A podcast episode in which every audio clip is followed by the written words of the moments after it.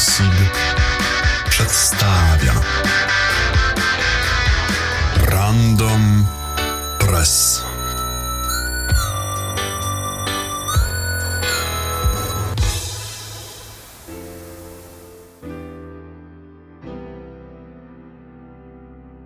Gdy na Wielkanoc hasła w rzeżusze, a w palcach hasze nieposolone, truchleją RODO funkcjonariusze, sądując dane źle obsłużone.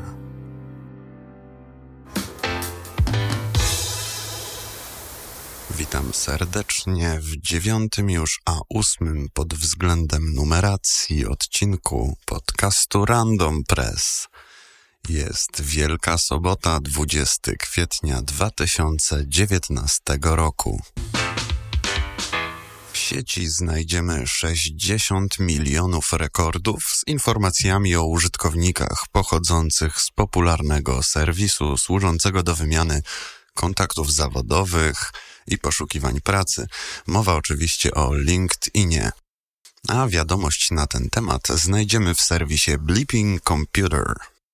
8 baz danych o sumarycznej objętości 229 GB zawiera nazwy użytkowników, adresy profili na LinkedInie, imiona i nazwiska, miejscowości przebywania, zamieszkiwania, a także w przypadku niektórych z użytkowników e-maile.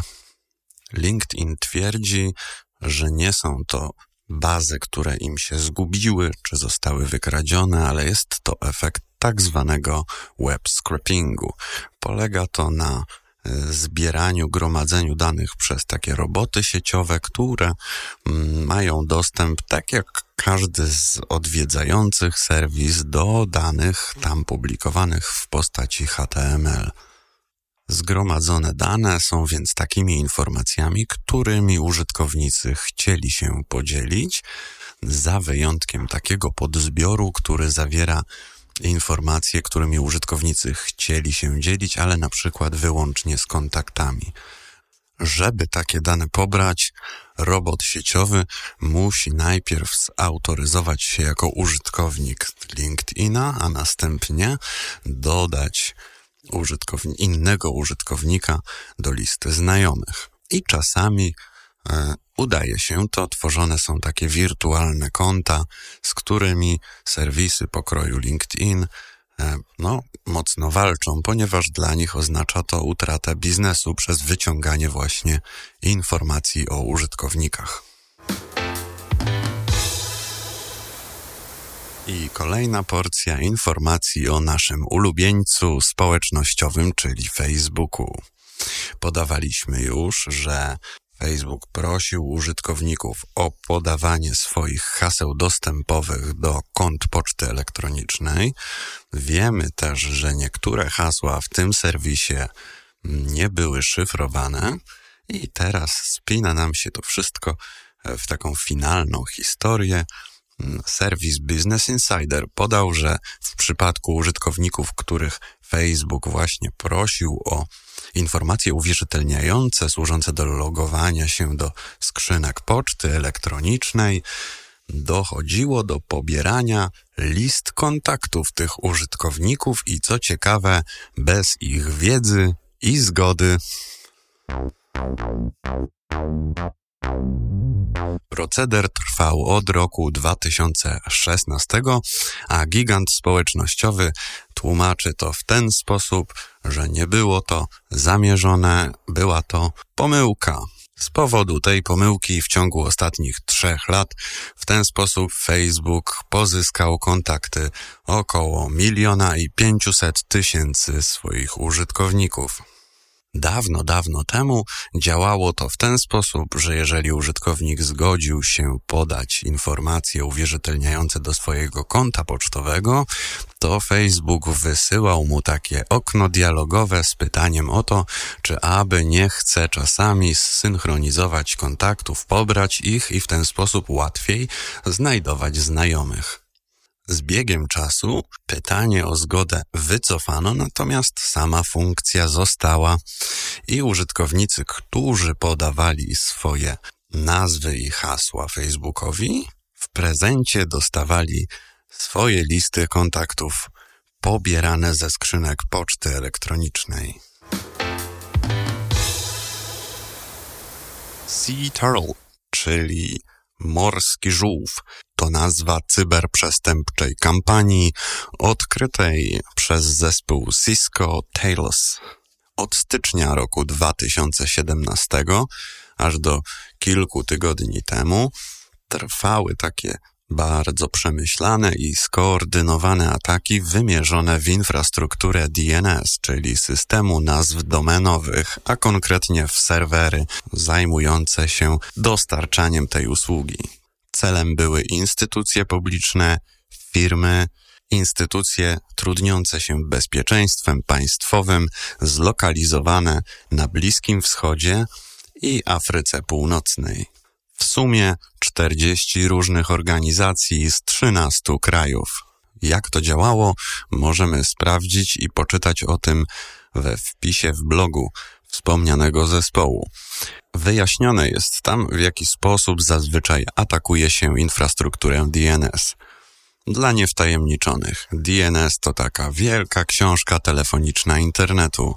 Zawiera tam nazwy, to co powszechnie nazywa się adresami, wpisywanymi na przykład w pasek przeglądarki czy umieszczanymi po znaku małpki w adresach e-mailowych.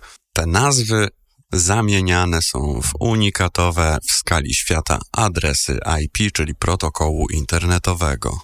Oprogramowanie sieciowe, żeby komunikować się przez sieć z innym oprogramowaniem sieciowym, potrzebuje takich czterech informacji: własnego adresu internetowego, własnego numeru portu, zdalnego adresu internetowego i zdalnego numeru portu. Adresy identyfikują pewne komputery w sieci, natomiast numery portów są takimi abstrakcyjnymi informacjami, które pozwalają identyfikować już konkretne, uruchomione programy na tych komputerach. Żeby nie musieć zapamiętywać tych wszystkich adresów, używa się systemu DNS. To dzięki niemu po wpisaniu jakiejś nazwy nasze oprogramowanie wie dokładnie do kogo się zwrócić. A jeśli chodzi o numer portu, to korzysta się z tak zwanych dobrze znanych numerów portów, well-known port numbers i na przykład usługi www działają na porcie 80 w wydaniu niezaszyfrowanym lub 443, kiedy mamy do czynienia z zaszyfrowanym połączeniem. Jak potencjalny napastnik może zmienić wpisy w serwerze DNS jakiejś organizacji, czyli w, jej, w jej części tej internetowej książki telefonicznej, żeby umieścić tam własne dane. Co mu to da? Jeżeli umieściłby tam jakiś własny rekord lub podmienił istniejący, jest w stanie skierować użytkowników tego serwisu do własnej wersji. Badacze w swoim blogu przywołują trzy możliwe scenariusze ataków, takich, które pozwalają przejąć kontrolę u źródła. Pierwszy to wspomniany już atak wymierzony w samą strefę, czyli albo zdobycie danych identyfikujących administratora strefy, logowanie się do panelu i zmienianie tam czegoś, albo uzyskanie kodu autoryzacyjnego czy innego sekretu, który pozwala klientowi kontrolować domenę. Drugi sposób, nieco bardziej wysublimowany, to tak zwane operacje rejestratorów. Mamy tam do czynienia z, z, takim protokołem EPP, Extensible Provisioning Protocol. Jest on używany wtedy, kiedy dokonujemy zakupu domeny i jedna strona, ta, która zarządza domeną główną, na przykład .com, musi dostać w jakiś sposób informację o tym, że ktoś tą domenę kupił w takiej a takiej firmie. Protokół ten zabezpieczony jest odpowiednimi kluczami między sprzedawcami domen a podmiotami kontrolującymi domeny główne. A jeżeli napastnik uzyskałby taki klucz, to byłby w stanie podszywać się pod sprzedawcę i dokonywać pewnych modyfikacji. No i trzeci, najbardziej Nieprawdopodobny scenariusz to przejęcie kontroli nad rejestratorami domen głównych, top level domains. E, jeżeli napastnikowi udałby się taki trik, to byłby w stanie kontrolować wszystkie domeny, na przykład kończące się na .com czy .pl. No ale jak to się stało, że doszło do ataku morski żółw? Okazuje się, że był tu zastosowany taki scenariusz, w którym atakowana jest najpierw infrastruktura komunikacyjna danej organizacji, czyli napastnik najpierw zyskuje dostęp do jej podsieci. Intruzi dokonywali badania ruchu sieciowego, usług wewnątrz każdej organizacji i na tej podstawie pozyskiwali informacje uwierzytelniające, które umożliwiały sterowanie strefą DNS. Dalsza część odbywała się już z użyciem zdyskredytowanej infrastruktury i podmienionych rekordów, to znaczy użytkownicy usług świadczonych przez zaatakowane organizacje byli przekierowywani do systemów napastnika, który wymagał od nich podania danych uwierzytelniających. Ciekawą sprawą w tym całym ataku tej całej kampanii ataków w zasadzie jest wykorzystywanie najprzeróżniejszych podatności na zagrożenia bezpieczeństwa, aby uzyskać nieuprawniony dostęp do systemów tych organizacji. Były to błędy w PHP, błędy w Bashu nawet, błędy w systemach przetwarzających pocztę elektroniczną, bazujących na protokole SMTP, włączając w to usterki w urządzeniach aktywnych. Serwis ZDNet podaje, za słowami byłego szefa Mozilli, że jego zdaniem koncern Google sabotował rozwój przeglądarki Firefox. Podał on przykłady udanej współpracy z Googlem do czasu, kiedy koncern zaczął pracę nad własną przeglądarką.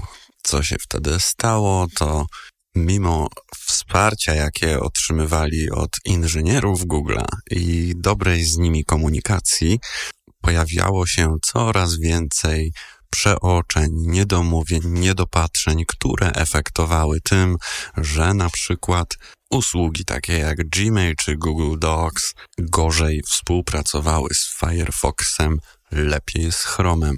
Podobne zarzuty pojawiały się już wcześniej, kiedy odkryto, że w pewnym momencie Firefox i przeglądarka Edge Microsoftu działają pięć razy wolniej niż Chrome, jeśli chodzi o obsługę popularnego serwisu strumieniującego wideo YouTube.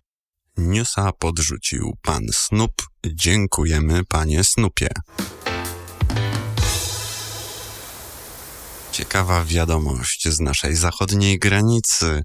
Specjalistom z serwisu golem.de udało się zarejestrować w chmurze Azure należącej do Microsoftu taką usługę, która zastąpiła aktywny do niedawna serwis pozwalający właścicielom witryn internetowych tworzyć e, kafelki, których potem mogli używać użytkownicy Windows i dostawać e, świeże informacje z witryn, które w ten sposób udostępniały wypisy na przykład mm, zawartości, publikowanej zawartości. Usługa nazywała się Windows Live Tiles redaktorom Golema udało się dokonać przejęcia z użyciem rekordu CNAME w DNS-ie. Po przekierowaniu wszystkie żądania do tej magicznej usługi interaktywnych bądź mniej interaktywnych kafelków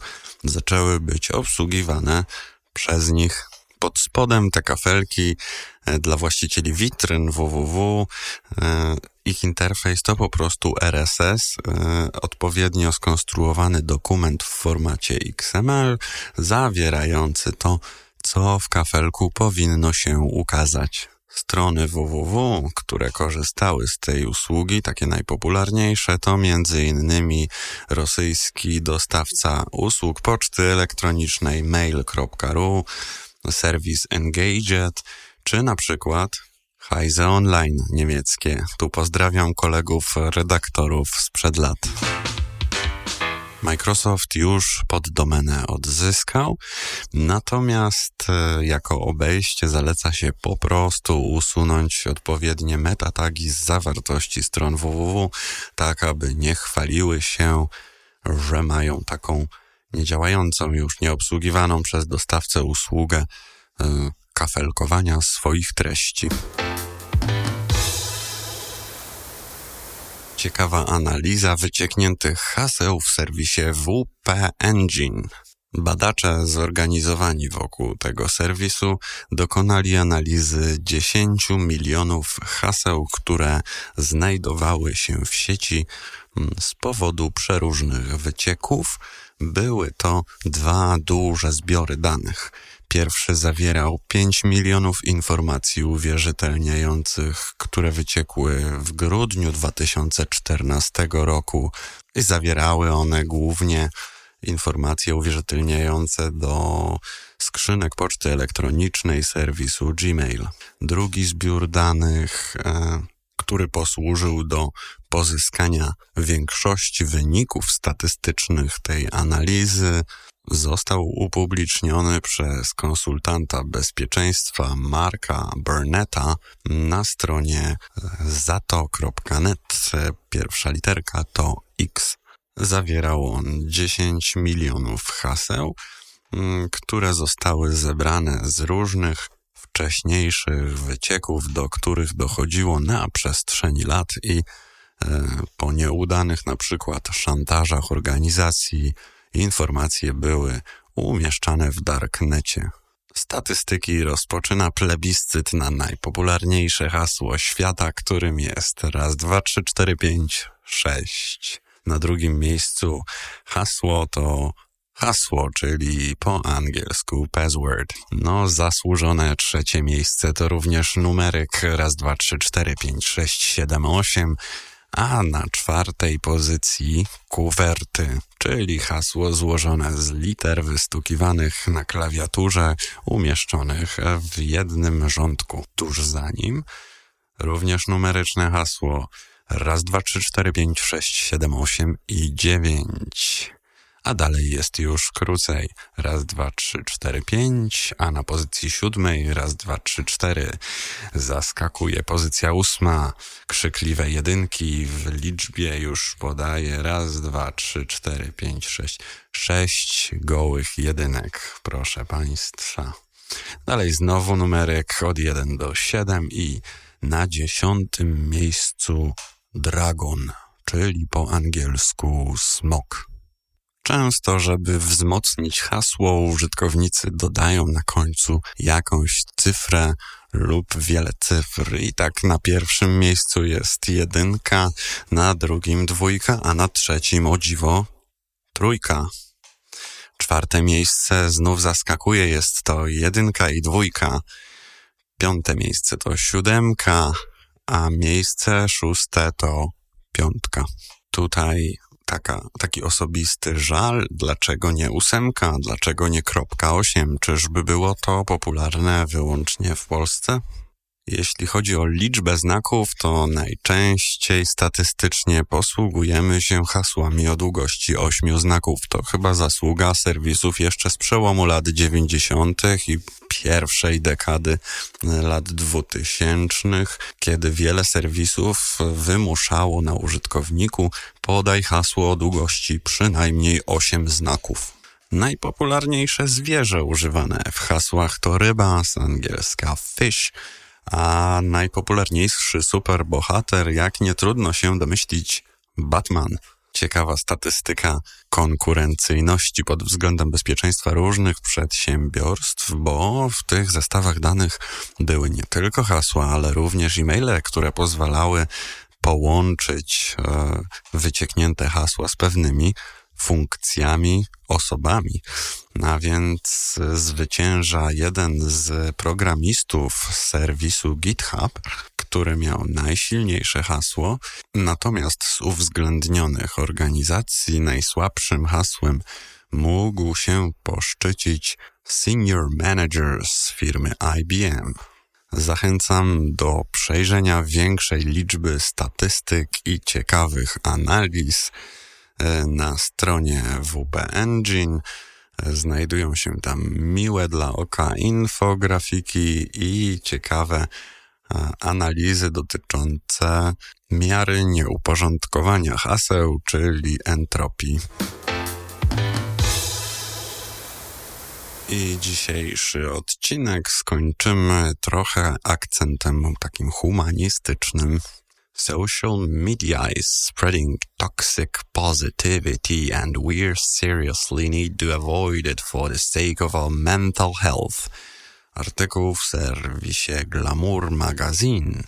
Można by zapytać, co robi takie źródło w podcaście, przede wszystkim o cyberbezpieczeństwie i programowaniu, ale tak pomyślałem, że z okazji świąt Wielkiej Nocy trochę humanistycznego akcentu i feministycznego, można nawet powiedzieć, mogłoby się przydać. Tym bardziej, że wiadomość ta z nieznanych mi przyczyn popularna jest na różnych agregatorach i forach technicznych. Wydaje się niczym zaskakującym, że w mediach społecznościowych e, znajdziemy sporo takiego hypu, takiego przechwalania się Nikt raczej nie pisze każdego dnia, jak jest mu niedobrze w serwisie, na przykład Facebook, Instagram czy Twitter.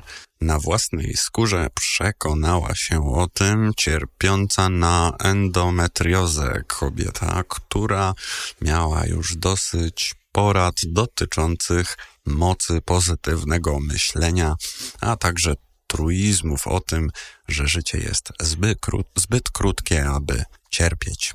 Tu oczywiście muszę się zgodzić z autorką, bohaterką artykułu, ponieważ no, ciężko jest y, pouczać kogoś doświadczającego fizycznych dolegliwości bólowych o tym, że powinien się akurat cieszyć, bo mnie to przeszkadza i ściąga w dół. A chyba z takim zjawiskiem miała do czynienia, kiedy poczuła wręcz, że nie jest mile widziane, kiedy otwarcie i szczerze komunikuje, jak się czuje. Ale wracając do artykułu, poza tym co każdy z nas może łatwo zauważyć, że serwisy społecznościowe przesycone są raczej pozytywnymi informacjami.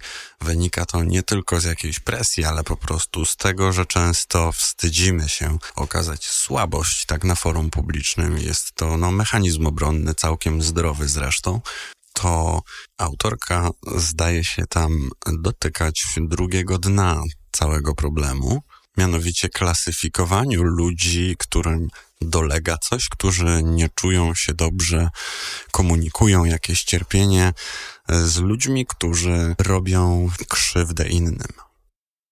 Bohaterka pokazuje, że brak zgody na negatywne emocje, na ich okazywanie, nie do końca chroni społeczeństwo przed zachowaniami patologicznymi.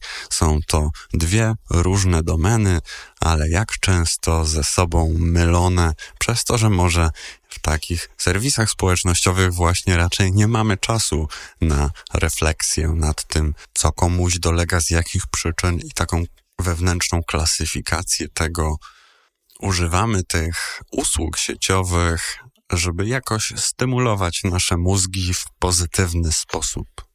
Do toksycznej pozytywności, jak nazywa to autorka, zalicza ona również taką postawę e, możesz wszystko, która zakłada, że istoty ludzkie pozbawione są ograniczenia, ich umysły są jakby nieskończenie elastyczne.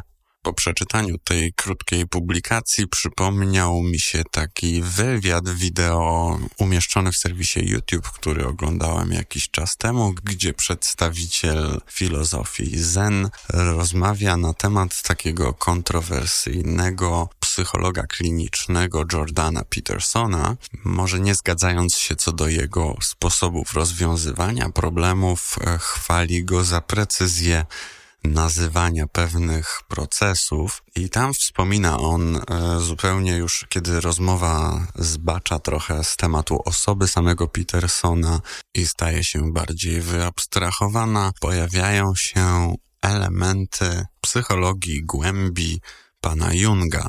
I taka śmiała teza tego przepytywanego mistrza Zen była taka, że żyjemy w trochę w cywilizacji pomocników, wolontariuszy, gdzie w dobrym tonie jest prezentować siebie społecznie, a także wewnętrznie wchodzić w rolę takiego pomagającego.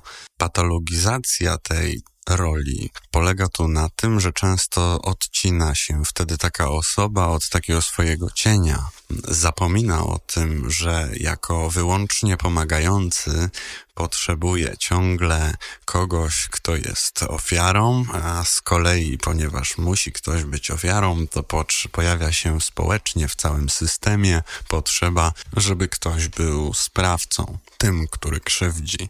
Niebezpieczne w tym jest to, że zbytnia identyfikacja wyłącznie z tą właśnie rolą pomocnika prowadzi nas do paradoksalnie odcięcia, wyparcia i odsunięcia, nieprzyznawania się do tego, że my również jesteśmy sprawcami i że my również jesteśmy tymi, którzy potrzebują pomocy. E, tak spolaryzowana osoba będzie miała duży problem, kiedy właśnie realne cierpienie, z którym nic nie może zrobić, tylko musi je przyjąć, nie może pomóc, kiedy zostanie ona skonfrontowana z tego rodzaju bólem. Takie moje krótkie przemyślenie, a teraz idę przygotowywać się do corocznych zbiorów rzeżuchy i życzę wszystkim udanych świąt. Do usłyszenia.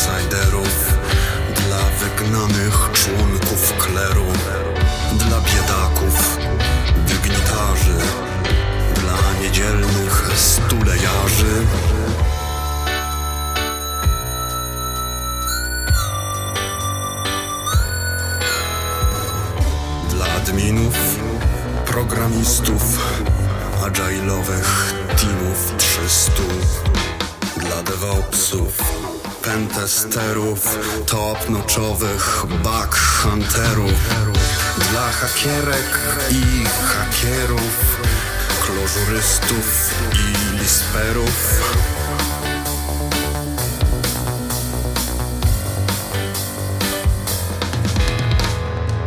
Ćwiczących gdzieś dla masy. Randomowy przegląd prasy